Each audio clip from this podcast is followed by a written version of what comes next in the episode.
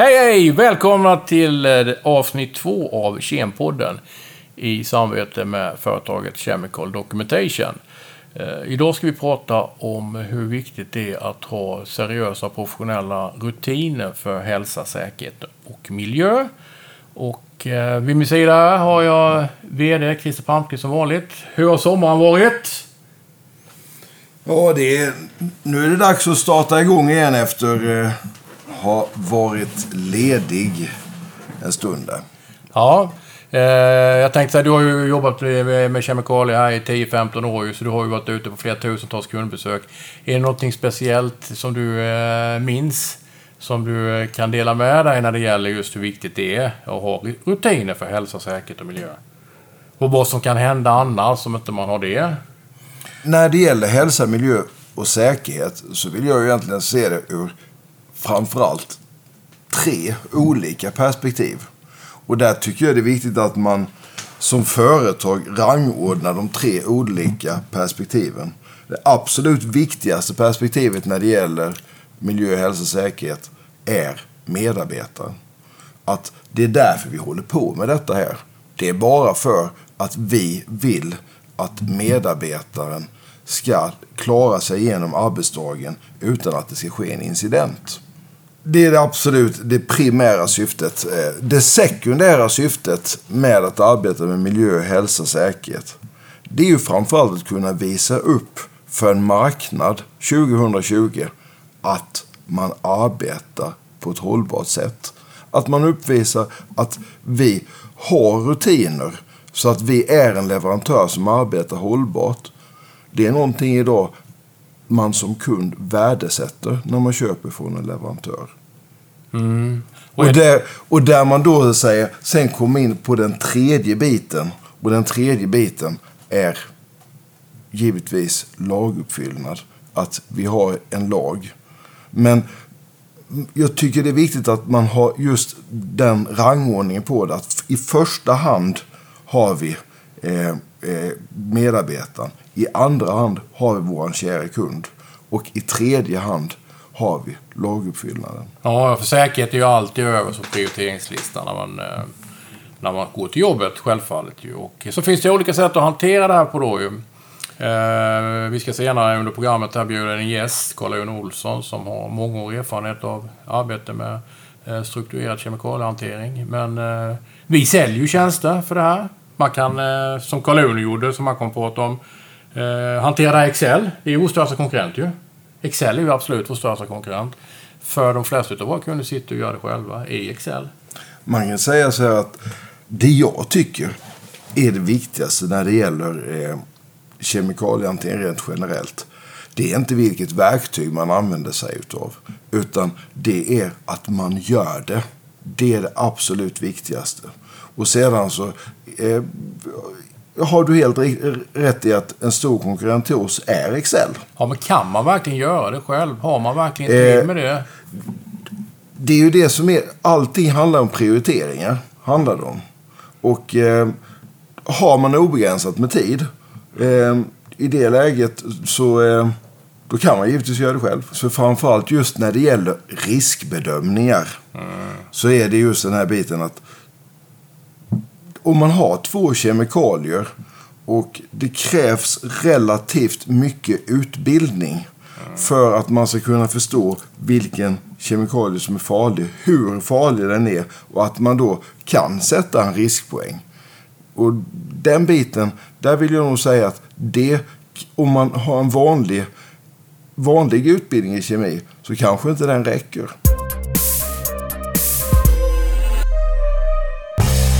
Mindgear är ett kompetensföretag som levererar krishantering och trygghet. När krisen är ett faktum så finns vi där. Rån, inbrott, hot och våld, brand, dödsfall, arbetsplatsolyckor med mera. Skydda ditt varumärke.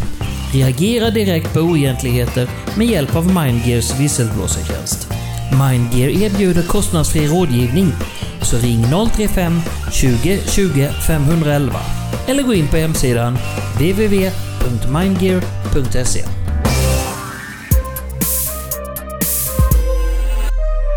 Nu, nu till dagens gäst, Carl-Jon Olsson. Uh, han jobbar ju som uh, senior EOS-manager här på, på Cedroc. Men tidigare har han bland annat jobbat som kvalitets och miljöansvarig på ASCO. Han ska berätta hur han jobbar med eh, kemikalhantering. Välkommen Carl-Uno! Tack så mycket. Eh, jag har väl jobbat en del med kvalitetsfrågor har jag gjort då, men huvudsakligen har jag jobbat med arbetsmiljö och miljöfrågor då på min tid på Asko där. Jag var där i 25 år. Du kan berätta lite, vad gjorde, vad gjorde ni på Asko? Ja, eh, vi tillverkar ju tvättmaskiner, diskmaskiner och torktumlare. Och eh, när det fanns som flest eh, tillverkare av tvättmaskiner i Sverige så var det 60 fabriker. Oj, oj. Fabrikat av tvättmaskiner i Sverige. Och vi var de som lyckades hålla oss kvar sist då. Men 2013 så flyttade produktionen utomlands. Okej. Eh, och du jobbade i Kvänum då? Det hade ni en fabrik där eller? Ja, Ljung, Ljung, ja precis. Så det var en ganska rejäl fabrik då. 54 000 kvadratmeter och eh, Ja. vi producerade rejält då. Du jobbade väl lite med Excel då? Det var så du började komma in på kemikalierna? Det, det är ju som så att när, när jag började där eh, direkt ifrån, eh, jag hade utbildat mig färdigt då, så, så började jag på, hålla på med underhåll. Och det tyckte jag var väldigt kul och då kommer man ju in på lite olika saker. Och då var jag med när vi drog igång och certifierade oss för ISO 9000. Så det var väl då jag kom in och började jobba lite mer strukturerat med den här typen av frågor. Okej. Och eh, sen så... Eh, ja, då skötte jag den delen när det gäller underhåll. Och sen så blev det mer och mer och jag höll på med internrevisioner och så vidare. Och eh, så småningom tog över även det mesta av jobbet kring kemikalier då.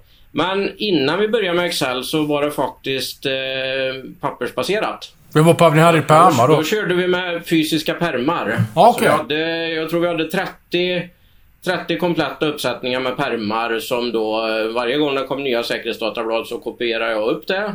30x och så la jag in det i internpostkuvert och så skickade jag ut det till folk och sen så fick en gå runt och skälla på dem för att de inte bytte ut de gamla då och satte i de nya. Ja, herregud. Eh, Så, att, så det, var där, det var den modellen och så fick man ha lite register då som man skrev då på, på datorn och sånt där och skrev ut. och Så, så det var den delen. Men, men ganska snart då så, så gick jag över då till att datorisera det lite grann i alla fall. Då. Så att då, då körde jag register i Excel. Eh, och eh, sen hade jag då eh, mappsystem på datorn där jag lagrade pdf-er med alla säkerhetsdatablad och hade hyperlänkar. Så att eh, ifrån vårt intranät så kunde man klicka fram då den här Excel-listan och sen så kunde man klicka då på produktnamnet och få upp då säkerhetsdatabladet. Har du länkat den till leverantörens hemsida då Ja. eller? Ja. var- Nej, nej, utan jag, jag laddade ner dem då för att jag konstaterade i början så länkade jag till leverantörens hemsida men ganska ofta när det blir en ny version Ja. så slutar den gamla länken att fungera helt och hållet. Så att eh, jag fick ladda ner dem istället då för att eh, ja, det var ett återkommande bekymmer då. Så att så, så blev det. Och sen så hade jag ett, eh, ett formulär när jag gjorde riskbedömningen inför att vi införde nya kemikalier. Så jag gick igenom då alla faroklasser och så vidare och gjorde en bedömning om vi kunde införa det eller inte då och eh, vilka åtgärder som skulle vidtas framförallt då för att alla kemikalier går ju att hantera på ett säkert sätt om man bär sig rätt åt. Men det kan ju vara som så att en del kemikalier kräver så stora åtgärder så att det inte är vettigt att införa dem utan man ska titta på något annat. Det låter krävande. Det låter väldigt tidskrävande att ha det här. Ja, det är det. Och eh, eh, jag genomförde ju en del grejer för att... Eh, eh, alltså det finns ju massa lister. All, alla ämnen som finns i kemikalier har ju ett, eller ja, nästan alla ämnen i alla fall, har ju ett KAS-nummer. Det är ju eh, motsvarigheten till personnummer för att man ska kunna identifiera det och det är ju ett internationellt system. Och sen finns det ju ett antal listor, begränsningslistor och priolistor och nu så finns det ju gemensamma EU-regler och allt sånt där. Då måste man hålla koll på det också. De produkter som man har, innehåller de något ämne som finns på någon begränsningslista eller som till och med då är förbjuden att ha nu för tiden? Det måste man ju hålla koll på. Så att eh, till att börja med då, då fick jag ju helt enkelt eh, skriva in alla kostnummer i min Excel-lista. Jag hade en, en Excel-lista till då där jag hade inte en rad i Excel, eh, i Excel då per produkt utan en rad per ämne som ingick i produkten. Ja, Och så fick jag helt enkelt sortera dem i kostnummerordning och så satte mig och jämföra dem mot de här begränsningslistorna. Eh, så det var ju ett ganska tungt manuellt arbete. Så att, eh, ja, så, så, så då förenklade min arbetsuppgift lite där också då. Så att jag gjorde faktiskt en, en egen hemsida Där jag kunde klippa ut ur Excel eh, alla KAS-nummer. Och sen, så, och sen då så fick jag ut en lista på alla som fanns med på någon begränsningslista. Ja, nej men som sagt, eh, det låter väldigt tidskrävande Karl nu. Men hur många kemikalier hade ni på den fabriken i Kvänum?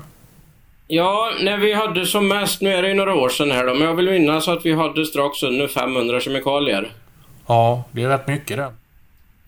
Ja, det är det. Är det. För, och och det, det är min erfarenhet att det är ofta fler än man tror om man väl inventerar noggrant.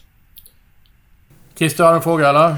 Hur mycket, hur delaktig fick du arbetsledare och även skyddsombud och sånt att vara i denna arbetsprocessen?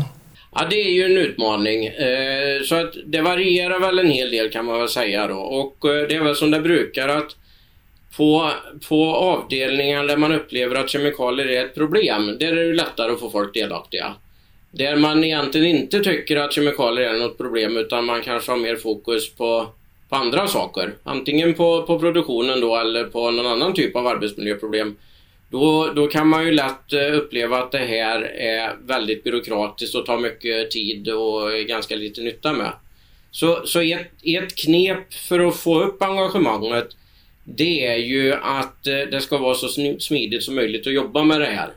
Så därför så gjorde jag ju i bakgrunden när jag gjorde detta manuellt väldigt mycket av administrationen.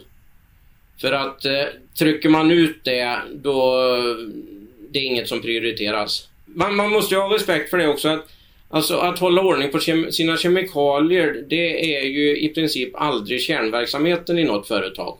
Det är inte det som företagets kunder betalar för. Utan det är någonting som ska fungera ändå. Och då måste, och då måste man ju styra upp arbetet så att det inte tar onödig tid och, och kraft ifrån, ifrån det som man faktiskt tjänar pengar på. Ja, precis. Men det märker man själv när man är ute. Om man tittar de här pärmarna så är de papperna kritvita. Eftersom det är ingen som tittar i dem. Eftersom det är, för, det är för komplicerat att, att läsa de här säkerhetsdatabladen. Framförallt så är det ju det att vi har idag ett klimat som gör att vi hela tiden säger till medarbetare, samtidigt som vi säger till medarbetare att vi ska för, eh, förhålla oss till miljö, hälsa, säkerhet. Samtidigt så säger vi till medarbetarna att vi måste leverera och nu är, det, nu är det panik, nu måste vi få ut de här grejerna. Vilket gör att som medarbetare så är det, man hinner inte med helt enkelt att titta i pärmarna bara för att och sen är det ju också en mentalitet att det här har jag gjort så många gånger. Jag behöver inte titta i pärmen utan det där det klarar jag av i alla fall.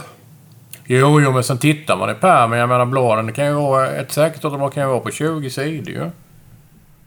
Ja. ja, det kan vara mer också.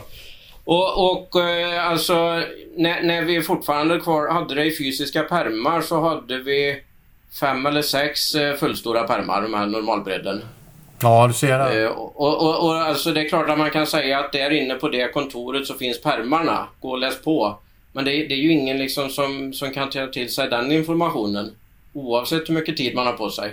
Vad gjorde ni? Tog ni då fram skyddsblad eller? Nej, det gjorde vi inte då. Så, så långt kom vi aldrig. Eh, för att, eh, att göra, ta fram skyddsblad manuellt, det är ju ett oerhört arbete.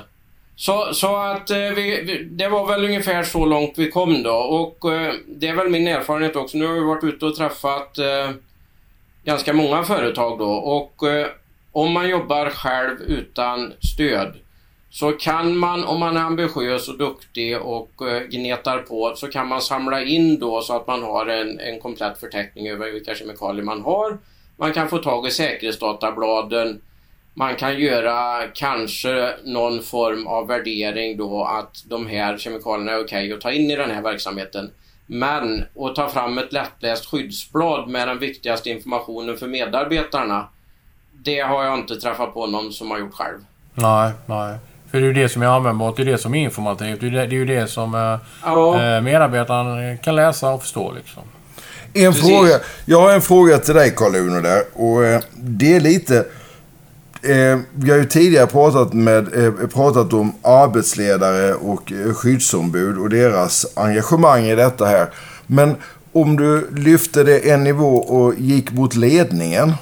Vad, mm. Hur upplevde du att eh, ledningen eh, eh, tog emot dig när du kom med de här frågorna? Ja, eh, jag skulle vilja säga att det beror alldeles på hur man presenterar det. För att ledningen har ju, tog, ju, tog ju ställning då till att vi skulle vara certifierade för ISO 14000. Så att det var ju solklart och då ska vi sköta det som var kring miljön och vi hade hela tiden chefer då som tyckte att eh, en bra arbetsmiljö var viktigt. Så, så det är ju liksom det är grunden. Eh, sen så är det klart att det var väl ingen i ledningsgruppen som, som tyckte att det var intressant att, att bläddra i sex pärmar med säkerhetsdatablad och att det skulle varit meningsfullt.